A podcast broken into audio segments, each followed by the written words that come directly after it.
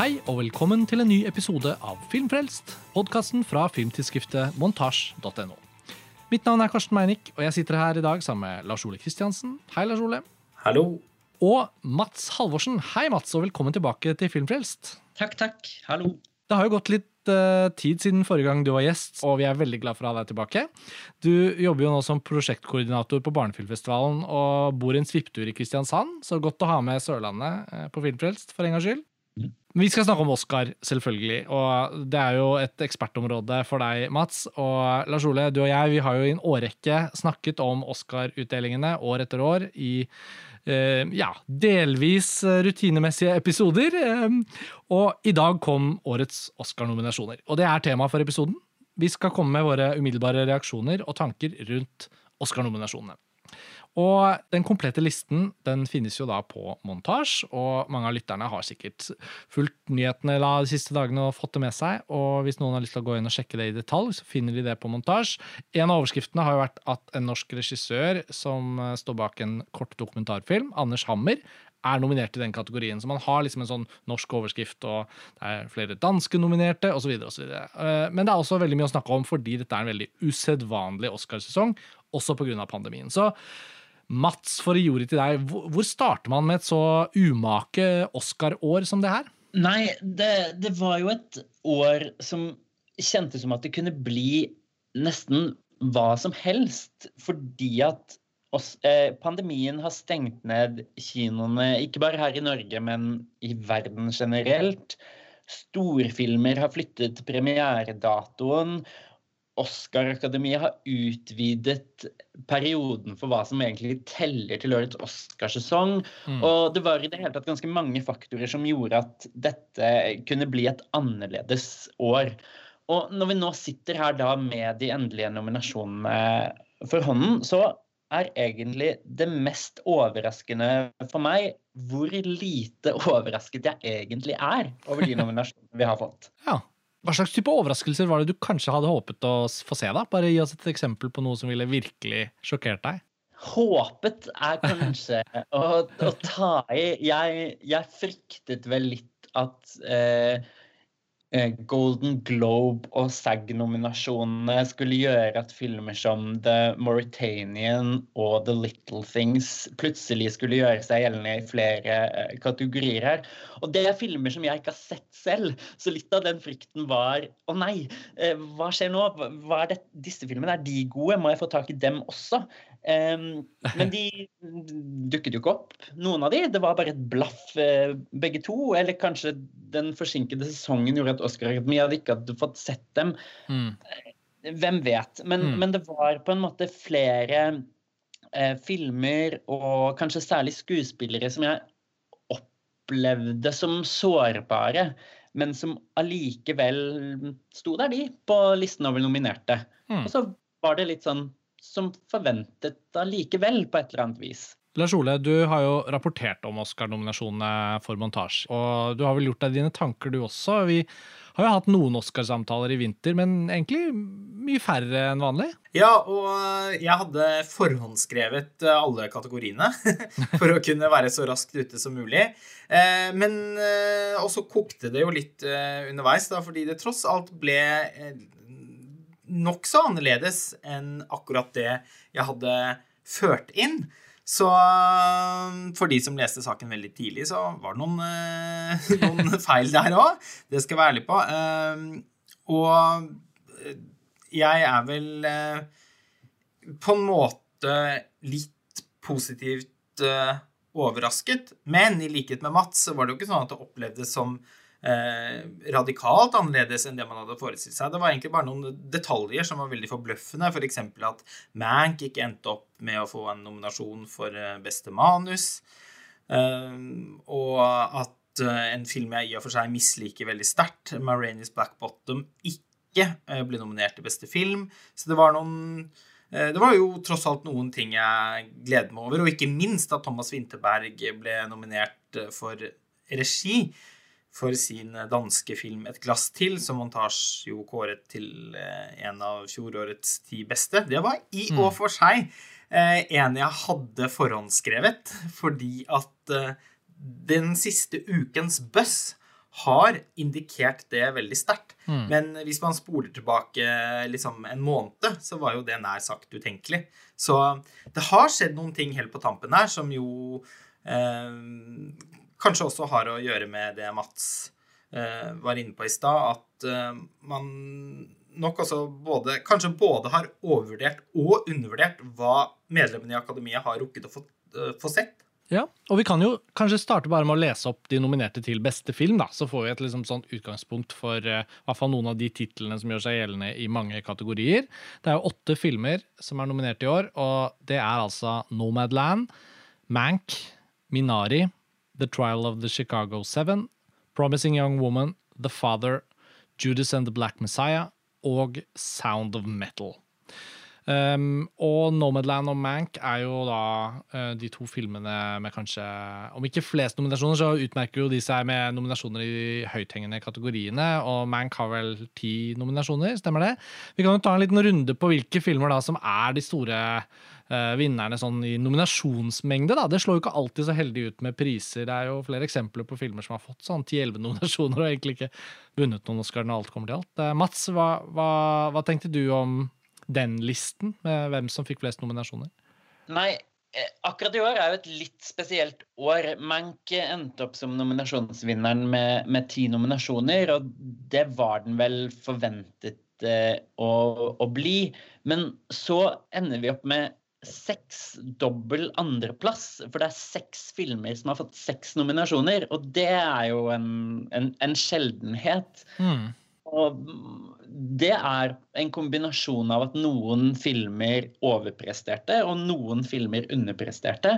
Og så sitter man plutselig igjen med seks filmer på seks nominasjoner. Og man skulle jo kanskje tro at det generelt betydde et litt sånt blanda nivå, men en av de seks filmene er Nomadland. Og det er som forventa, og det er Eh, bra, og jeg tror at eh, Mank eh, får en tøff jobb med å sikre seg ti priser, for å si det sånn, om i det hele tatt noen.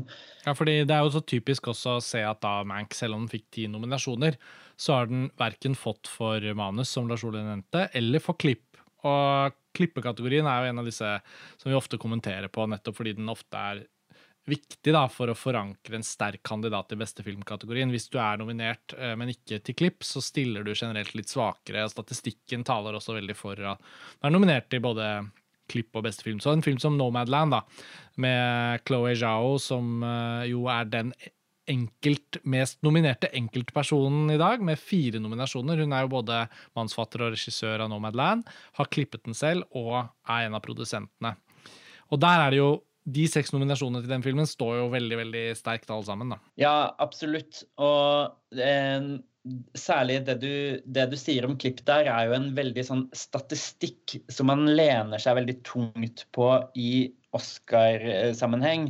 Eh, med unntak av Birdman, som vant beste film for noen år siden. Som jo mm. var en film som på en måte lente seg veldig på å i praksis ikke være klippet. Det var jo en film. ja. så, så, har ingen film vunnet beste film uten en klippenominasjon siden 1981. Mm. Så akkurat det gjør jo at uh, man, man, får en veldig sånn tung statistikk å legge mot Mank i et år som dette. Uh, når den da plutselig ikke har en klippenominasjon.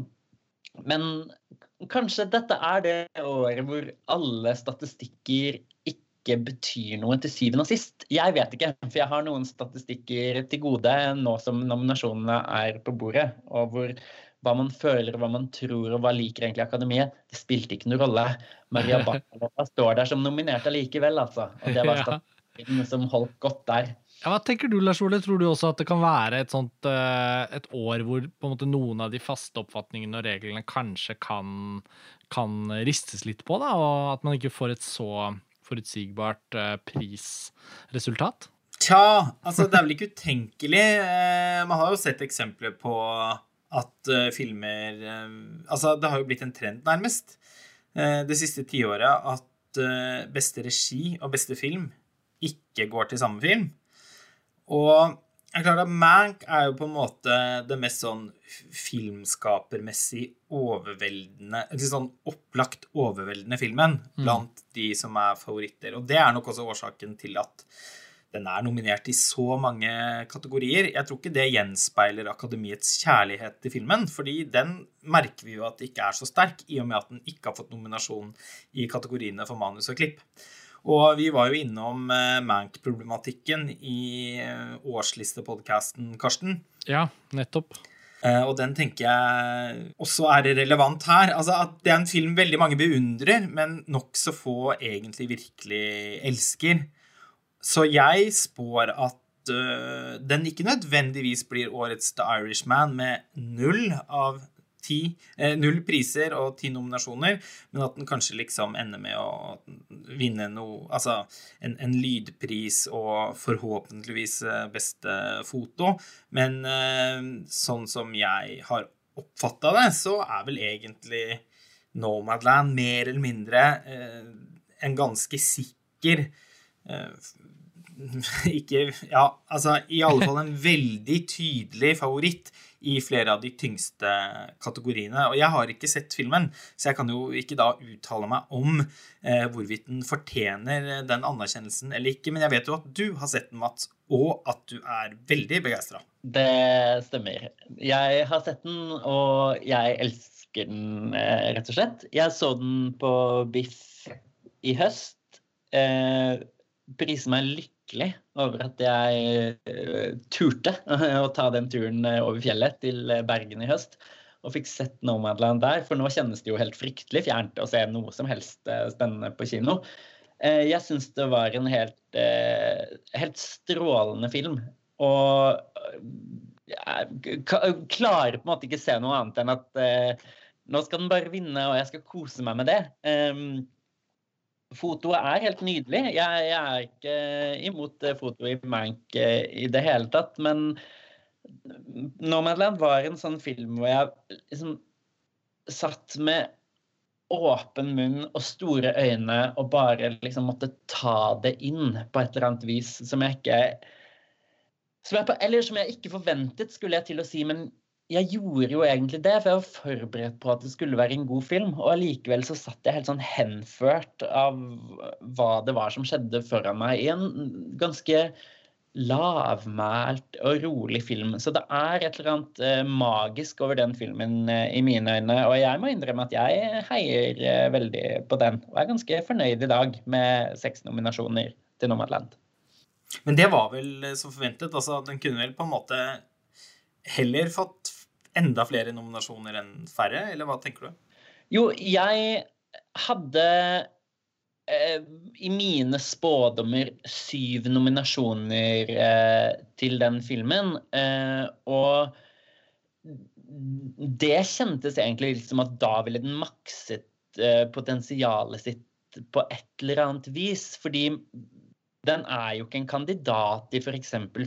kategorier som produksjonsdesign og hår og sminke og kostyme og visuelle effekter. Det finnes en del sånne veldig tekniske kategorier hvor man, hvis man først treffer, så treffer man skikkelig der, da. Ja, Sånn som Mank gjør, for eksempel. Den er jo aktuell for så å si alle kategorier. Akkurat. Og det er jo Det ser man jo kanskje litt i år også, at de virkelig store filmene der mangler på et eller annet vis Ja, man har Mank, men disse kategoriene er jo også kategorier hvor f.eks. superheltfilmene har gjort seg litt gjeldende. Man har ikke den store Marvel-blockbusteren som rasker plutselig med seg en del nominasjoner for både visuelle effekter og lyd og alt det her. Så det er jo på en måte en litt sånn frisk inngang i år. At man har manglet de virkelig storfilmene. Og det ser man jo også litt i nominasjonsresultatene, at det er bare Mank som har virkelig et stort antall nominasjoner. At så mange filmer har seks nominasjoner, er jo for så vidt litt overraskende, men det er fortsatt ikke et så høyt antall totalt sett. Tenet kunne jo ha vært eh, den andre storfilmen, på en måte, som var aktuell i mange kategorier.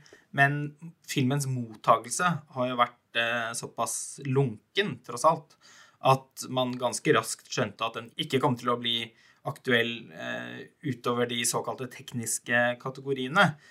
eh, men til og med der har den jo gjort det eh, oppsiktsvekkende dårlig, vil jeg si. Altså at eh, Tennet ikke er nominert for foto til Hoite van Hoitema, det er i mine øyne en ekte skandale. Jeg syns det var dagens store skuffelse, fordi som du sier, Lars Ole, med pandemien har jo hele blockbuster-floraen egentlig forsvunnet fra Oscar-året. Alle de høyprofilerte blockbusterne, som også kunne vært store Oscar-kandidater, da, som har blitt utsatt. Fra Wes Andersons French Dispatch til uh, Denis Villeneuves Dune, ikke sant. Det er så mange eksempler. Um, alt er jo bare helt utradert fra denne Oscar-sesongen. Og så har man Tennet der som den ene. Og da er det ikke noe hemmelighet at hvert fall du og jeg er veldig glad i den filmen. Og jeg kunne likt å se den nominert i en rekke kategorier som, eh, som ikke vi snakker om. Men når du tar foto, så er det jo ikke noen tvil om at det er jo da en absolutt no-brainer. Um, og når det da ikke er andre blockbustere å konkurrere mot engang, så blir man jo litt paff over at ikke de har funnet plass til Tennet selv der, da. Ja, og det gjelder jo også kategoriene for uh, beste klipp, og ikke minst beste musikk. Altså at Terence Blanchard har blitt nominert for sitt soundtrack til The Five Bloods, som i og for seg er dagens store taper, det er uh, for meg et problem. Altså, da lurer jeg litt på hva slags kriterier de som stemmer, forholder seg til. Fordi jeg stor fan av Terence Blanchard. Jeg har flere av hans soundtracks på fysisk format.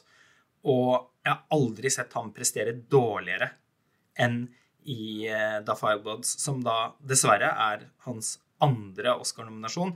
Han mottok jo ingen nominasjoner forut for Black Landsman, som var en fortjent nominasjon. Jeg heiet på han det året.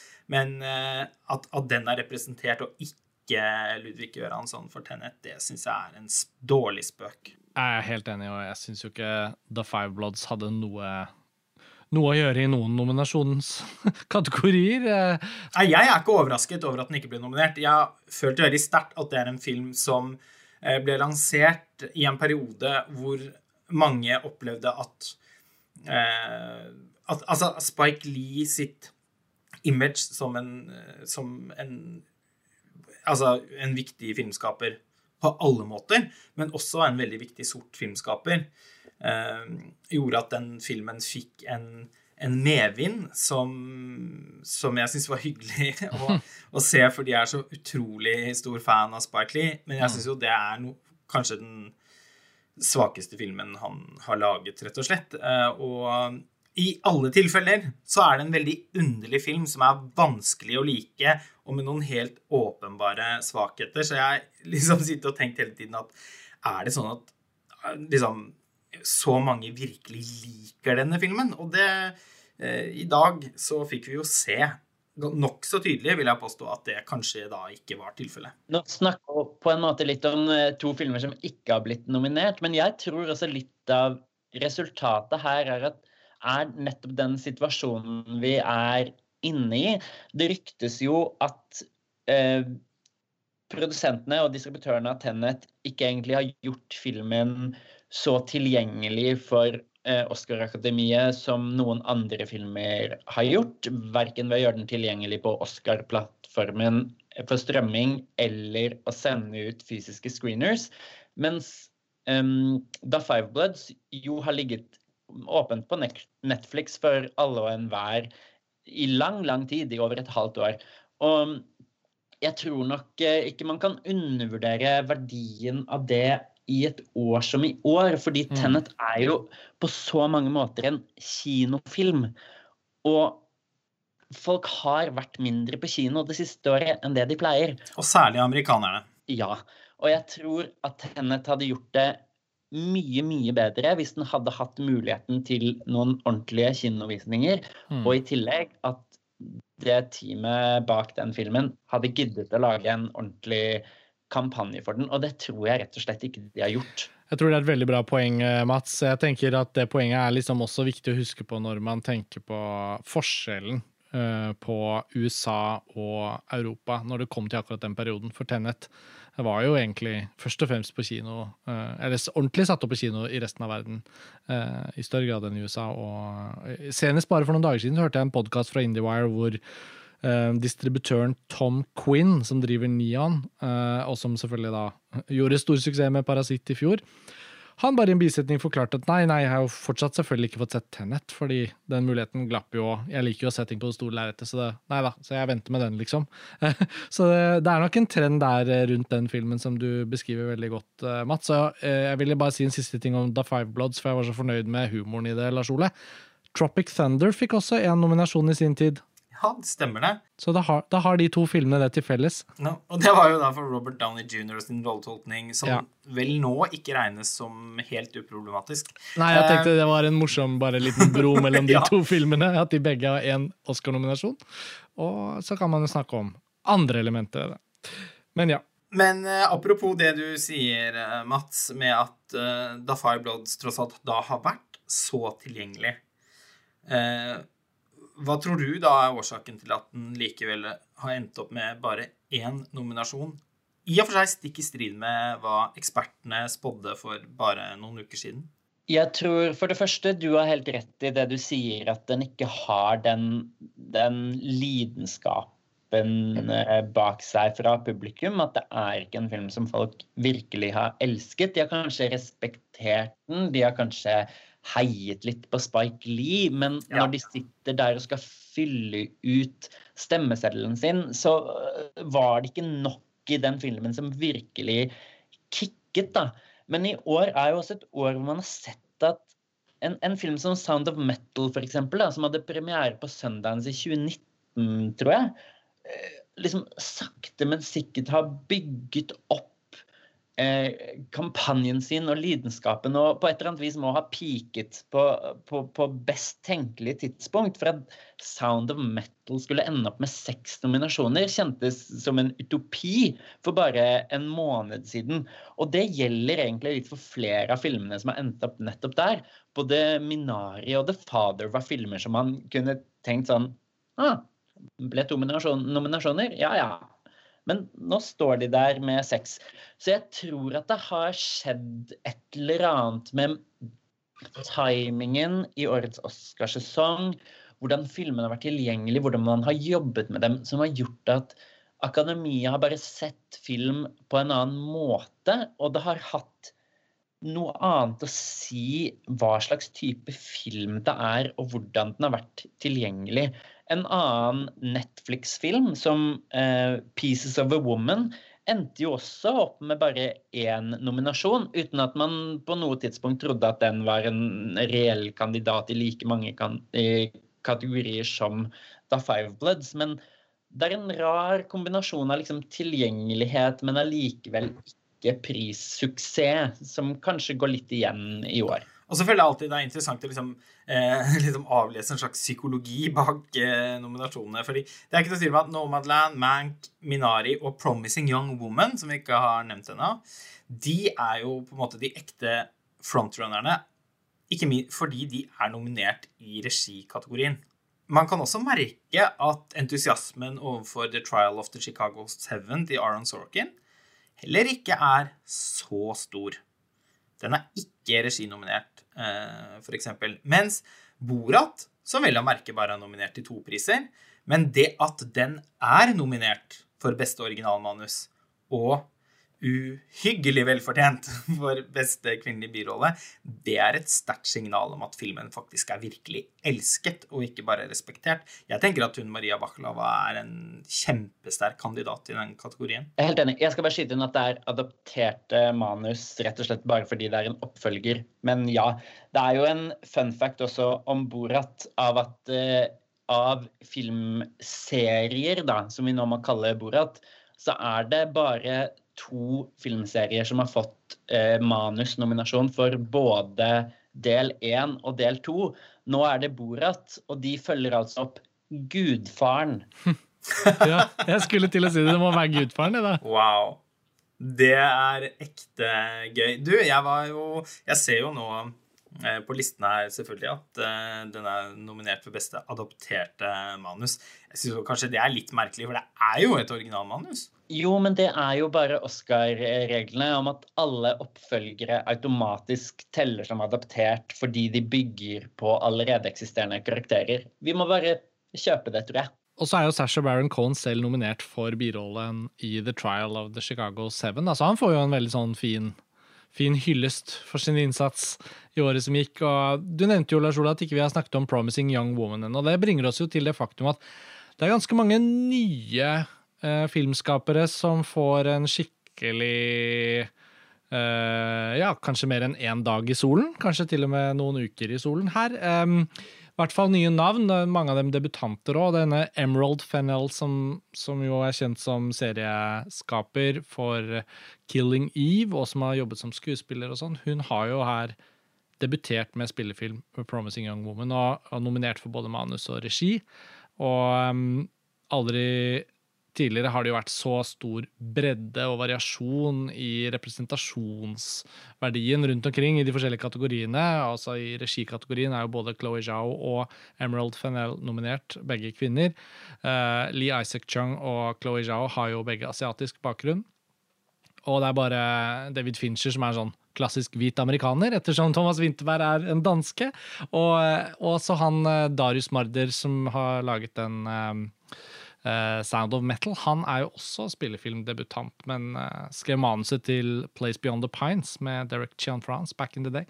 Og Chian France er jo faktisk nå nominert for Oscar for første gang for manuset til Sound of Metal. Så det er noen sånne navn som vi har liksom sett her og der og fulgt med her og der, men som aldri har hatt noen sånn særlig Oscar-oppmerksomhet knyttet til seg, da, som nå omsider får det. Så det er jo en litt sånn fin og sånn fresh eh, del av dagens nominasjoner. Er det noen andre sånne type sånne små funn innimellom eh, sprekkene som dere har lagt merke til i dag? Jeg har bitt meg merke i at uh, den uh, forferdelige og forferdelig uh, bra rumenske dokumentaren 'Kollektiv' mm. er nominert ikke bare for beste dokumentar, men også for beste ikke-engelskspråklig film. Og det var jo også tilfellet for Honeyland i, eller Honninglandet i fjor. Den trenden liker jeg. Så det er verdt å merke seg, i hvert fall. Og så syns jeg også det var litt gøy at My Octopus Teacher eh, ble nominert eh, i dokumentarkategorien. Jeg minnes at jeg varslet dette til deg, Karsten, for flere ja. måneder siden, da jeg så den og var veldig sånn slått av den. Ja. Og sa du dette her tror jeg er sånn den den tror jeg kommer til å ende opp med å bli Oscar-nominert for beste dokumentar. Og så var det egentlig ingenting helt som tydet på det i månedene som gikk. Og så eh, erklærte jo eh, vår eh, medredaktør eh, Roskva Koritsinski at det var hennes nummer to favorittfilm fra 2020 eh, etter at jeg hadde anbefalt den eh, nokså innstendig til henne fordi jeg tenkte at hun kom til å ha særlig stor glede av den. Men jeg hadde ikke forutsett at det skulle bli så. Nei. Og på årslistepodkasten altså, så snakker jo Roskva godt og lenge og grundig om nettopp hvorfor filmen gjorde så inntrykk. Og, og i dokumentarkategorien Lars Ole, så er det jo i hvert fall tre filmer jeg har sett. Eh, Collective og Time og My Octopus Teacher. Og alle er jo strømmedokumentarer. Collective kan man se på HBO Norge Nordic. Time ligger på Amazon Prime. Og My Octopus Teacher er på Netflix. Og det gjelder vel også Crip Camp. Det er vel også en Netflix-film. Jeg vet ikke med den Mole Agent, men de to har jeg foreløpig ikke sett, da. Mats, var det noen småting i sprekkene som du la merke til i dag, som kanskje ikke har grepet de store overskriftene, men som du har latt deg fascinere av? Hvis vi først skal snakke om dokumentar, så syns jeg jo det var en helt eh, kjempesterk shortlist. Jeg har sett eh, 12 av de 15 filmene som var på den shortlisten. Og den spådommen min der gikk helt over styr, fordi der syns jeg alt var bra, og det var liksom umulig å, å, å, spå. Så hvis du har lyst på en god dokumentar, så må du for all del ikke la deg binde av de Oscar-nominasjonene, men sjekke ut hele den eh, shortlisten, egentlig, inkludert ja. våre to norske håp, kunstneren og typen og Gunda. Ja, og det var jo to ganske gode håp òg. Det var, var, virkelig sånn jeg følte de var oppe oppe der og kjempet om nominasjoner, begge to? Virkelig. Um, jeg hadde et, et håp uh, der. Det hadde jeg for så vidt uh, om uh, håp også, for å ikke la det ordspillet forsvinne helt ut her. Men det var, det, det var, liksom ikke helt eh, Norges eh, år. Men eh, hvis vi snakker om litt sånn overraskende nominasjoner og sånn, så, så var jo f.eks. Eh, Ryan Coogler, som jo, har gjort et reginavn av seg, en av produsentene bak Judas and the Black Messiah. Så han endte opp med sin første Oscar-nominasjon for den. Og det er jo det første produsentteamet utelukkende bestående av smarte, svarte mennesker i hele Oscar-historien. Og det er jo en del sånne drypp som man på en måte koser seg litt ekstra med. Eh, det har f.eks. bare skjedd én gang før at man har hatt tre skuespillere med asiatisk opphav i samme Oscar-lineup. Mm. Eh, sist var i 2004, da Ken Watanabe, Shre Agdashlu og Ben Kingsley alle kjempet eh, om en Oscar. Nå vant jo ingen av de, men kanskje det skjer i år. Det er jo uansett et slags eh, håp der. Og det, var først, det er første gang seks eh, svarte skuespillere har vært nominert samtidig også. Den Mm. tidligere mm. der har vært fem. Så det er jo eh, et veldig variert år med tanke på bredden i nominasjoner, da. Og det er jo eh, noe de har jobbet for også i Oscar-akademiet, ved å utvide hvem som faktisk kan stemme, og hvem som inviteres inn. Det har jo vært eh, nok av kampanjer opp igjennom om at eh, Oscars so white, og akkurat i år er jo det vanskelig å klage på. og når Maria Bakalova er den første skuespilleren fra Bulgaria som nomineres til en Oscar, så kan man kanskje ikke klage på at hun er hvit i tillegg. Nei, representasjonssirkelen er komplett når også Bulgaria er representert. Da, da tenker jeg vi har kommet langt. Jeg tenker at eh, Ken Watanabe burde nok kanskje ha vunnet den Oscaren for sin fantastiske birolle i The Last Samurai eh, i 2004. Jeg kan ikke huske He hvem was som rubbed. vant. Men eh, spørsmål til deg, Karsten. Ja. The White Tiger av Ramin Barani. Ja. Den er jo nominert for beste adapterte manus. Og det er jo en filmskaper du har et ganske nært forhold til. ja. Og jeg har også sett The White Tiger. Wow! Det visste jeg ikke. I det stille en kveld for, ja, 7-14 dager siden, skal vi si det sånn, så dukket det opp et, et ønske her i heimen om filmkveld hvor det liksom ikke skulle være jobb. Det er jo ikke alltid så lett. Og så, Vær så snill, ikke gjensyn med speilet av Tarkovskij. Vær så snill.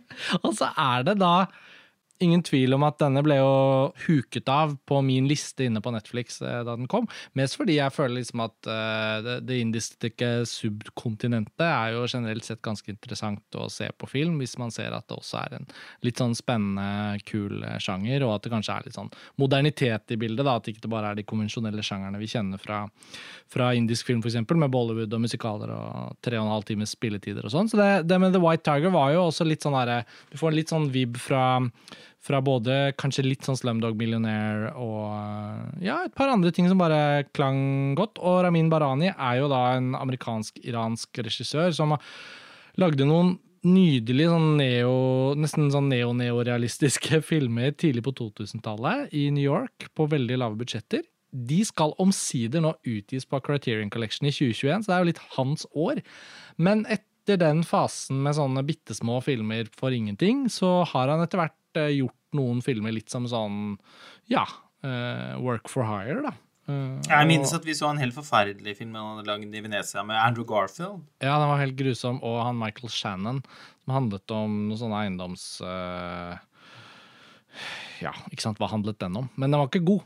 Så han har liksom glippet litt fra radaren. Og så er The White Tiger basert på en roman skrevet av en studiekamerat av ham. Så de har liksom virkelig kjent hverandre fra way back. Og så, og så har de um, gått sammen om å, om å skrive Ja, og gjøre den, omgjøre den til en film. Og så er den finansiert av Netflix. Så det er en skikkelig sånn derre uh, coming of crime-film. altså en uh, fortelling om en figur som stiger opp i gradene i, i kastesystemet, nærmest. Da. Det er en veldig sånn klasseorientert film uten å gi slipp på sjanger og underholdningsgrep.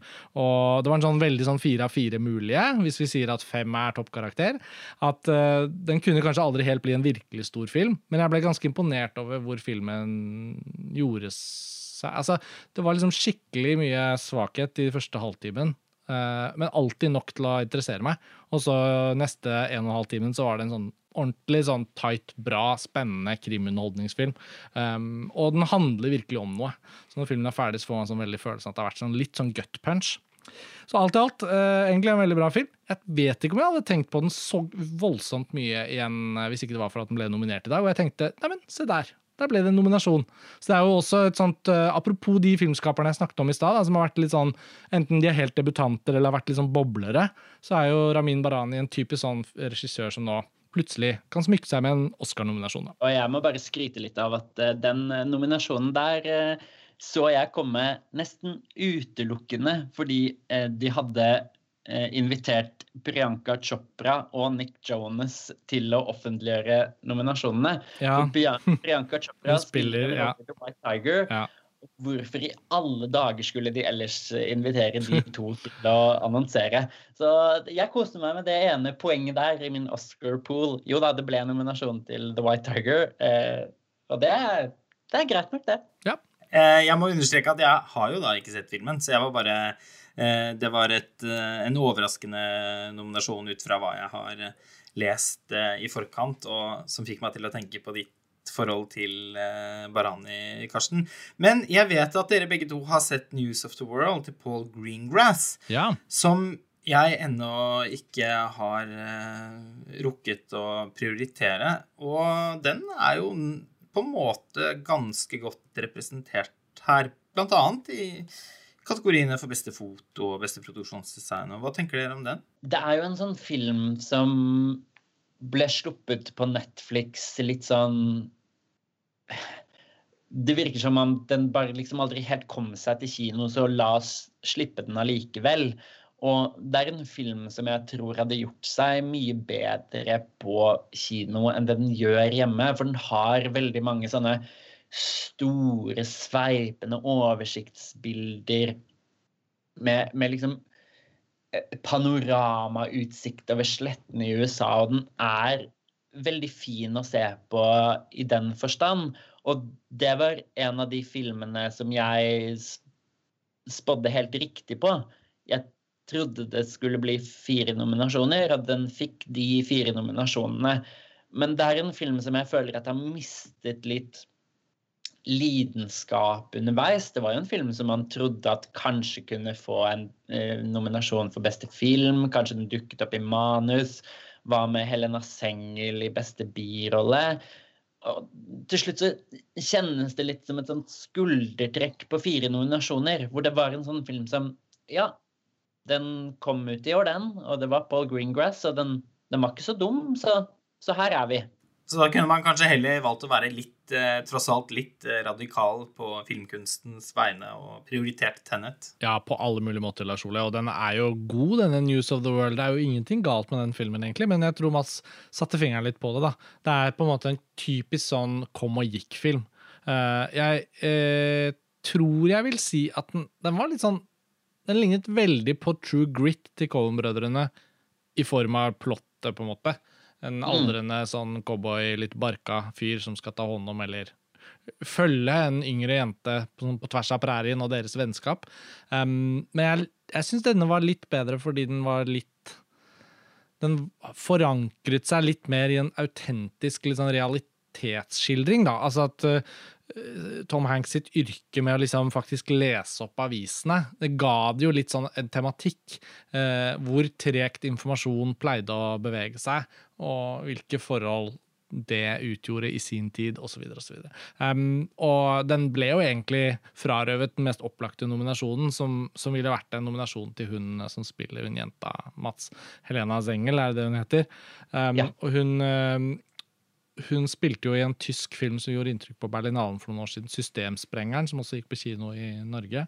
Så er det åpenbart noen sånn castingagenter som har fått med seg henne og, og, og, foreslått henne til riktig rolle til rett tid. Så det er jo en, egentlig en film som er verdt å anbefale, om ikke for noe annet enn å bare se selvfølgelig Tom Hanks, som alltid er bra. Han er um, fin og bra her også. Og, og henne og, og deres kjemi syns jeg er noe av det beste med filmen. Og det er også filmen liksom lener seg på. da. Men det er veldig sånn forglemmelig Oscar-oppmerksomhet. For det er verken nok til å gjøre inntrykk, og ikke så lite at det er noe skandale. Og den kommer bare til å surre og gå i bakgrunnen og ikke få noen nominasjoner. Men på en måte så er det jo eh, fotokategorien. Det er så lett å vende tilbake til den. Lars Ole. For nesten hver gang vi ender opp med å snakke om nominasjoner, uansett hvilket år, så er det en eller annen eh, ting som skurrer, eh, eller en eller annen eh, forventning til den kategorien som vi alltid ender opp med å sitte og snakke om. Og her føler jeg jo at The Trial of the Chicago Seven, eh, fotografert av Fidon Papamikael, som aldri er best.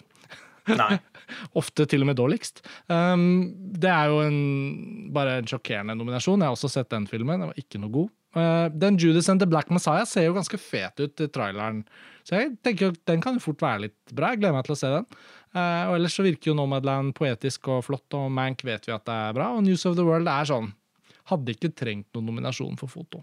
Der er det plass til noe annet. Jeg eh, leste et intervju med Paul Greengrass der han fortalte noe om filmen som jeg reagerte litt på.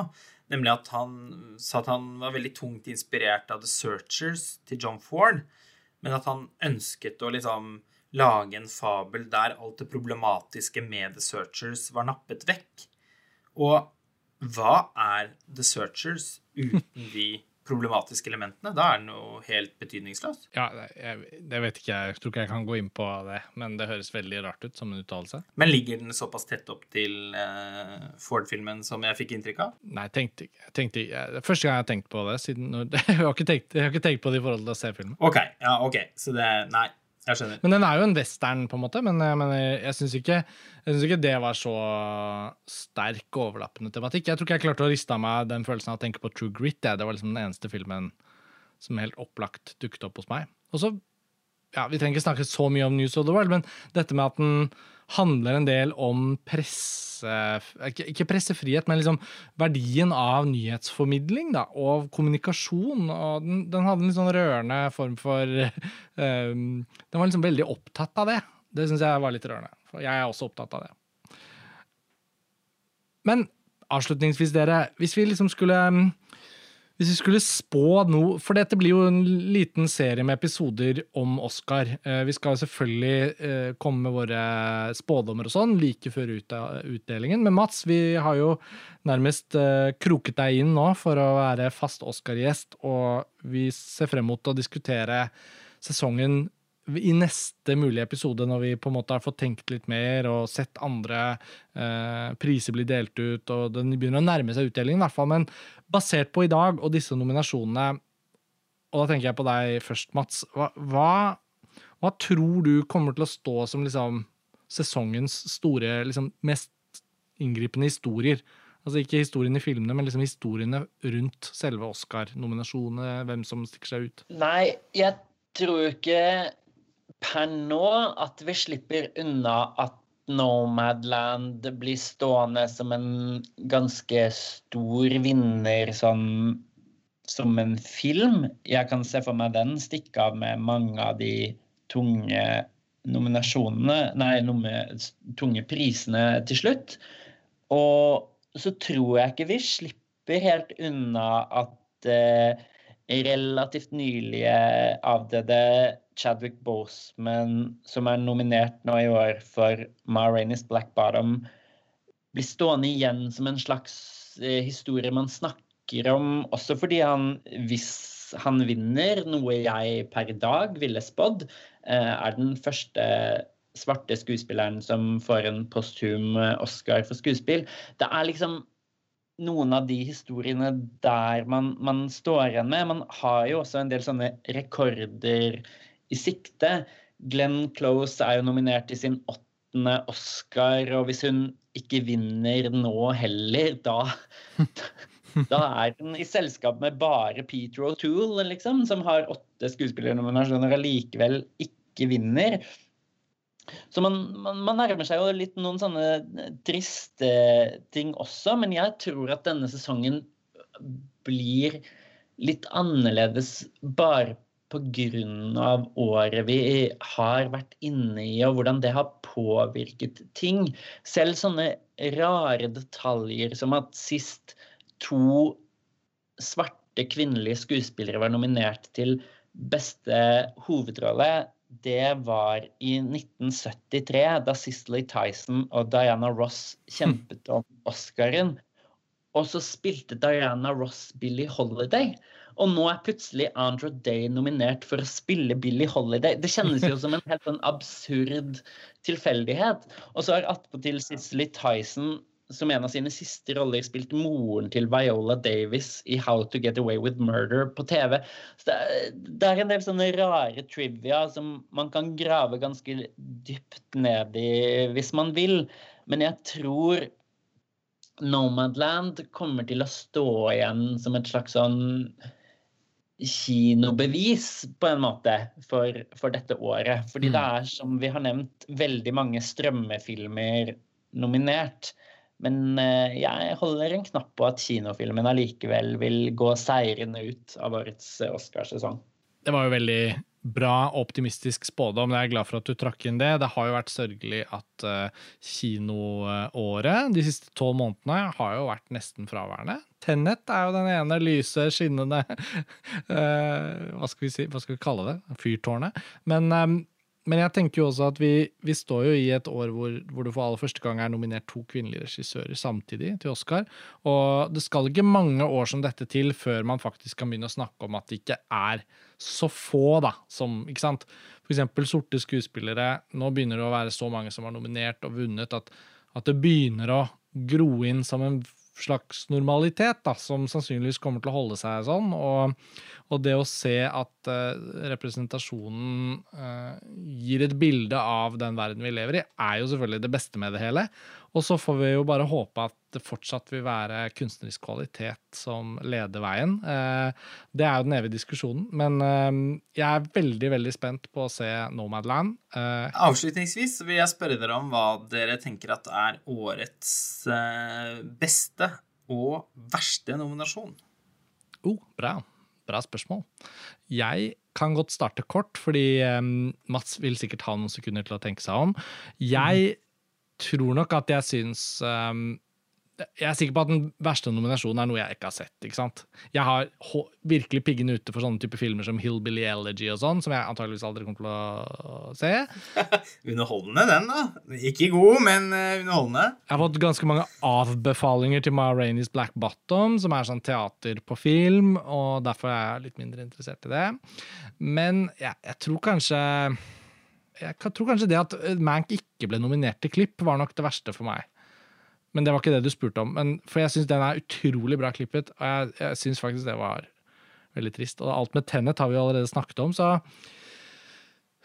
Anders Hammer, da, norsk journalist, nominert for beste kortdokumentar. En kortdokumentar om de unge menneskene i Hongkong som prøver å kjempe for sin frihet. tenker jeg liksom, Det var jo faktisk et veldig gledelig øyeblikk. da. Jeg tror jeg velger meg det. Mats? Ja, jeg skal, Nå, nå kikket jeg liksom på nominasjonslisten, og hvis jeg skal gå litt sånn utenom det vi har snakket om nå, så må jeg si at jeg syns det var innmari gøy at den teite Netflix-komedien Eurovision Song Contest, The Story of Fire Saga, harra til seg en nominasjon for beste originalsang det er et eller annet med den der Hvis du først skal dele ut en Oscar-statuett for en sang i en film, gi det da for guds skyld til en film til en sang som blir brukt i filmen, ikke en sånn teit rulletekstsang, for det trenger vi ikke. Og jeg syns den sangen er ganske fengende i tillegg. Ja, enig. Veldig morsom.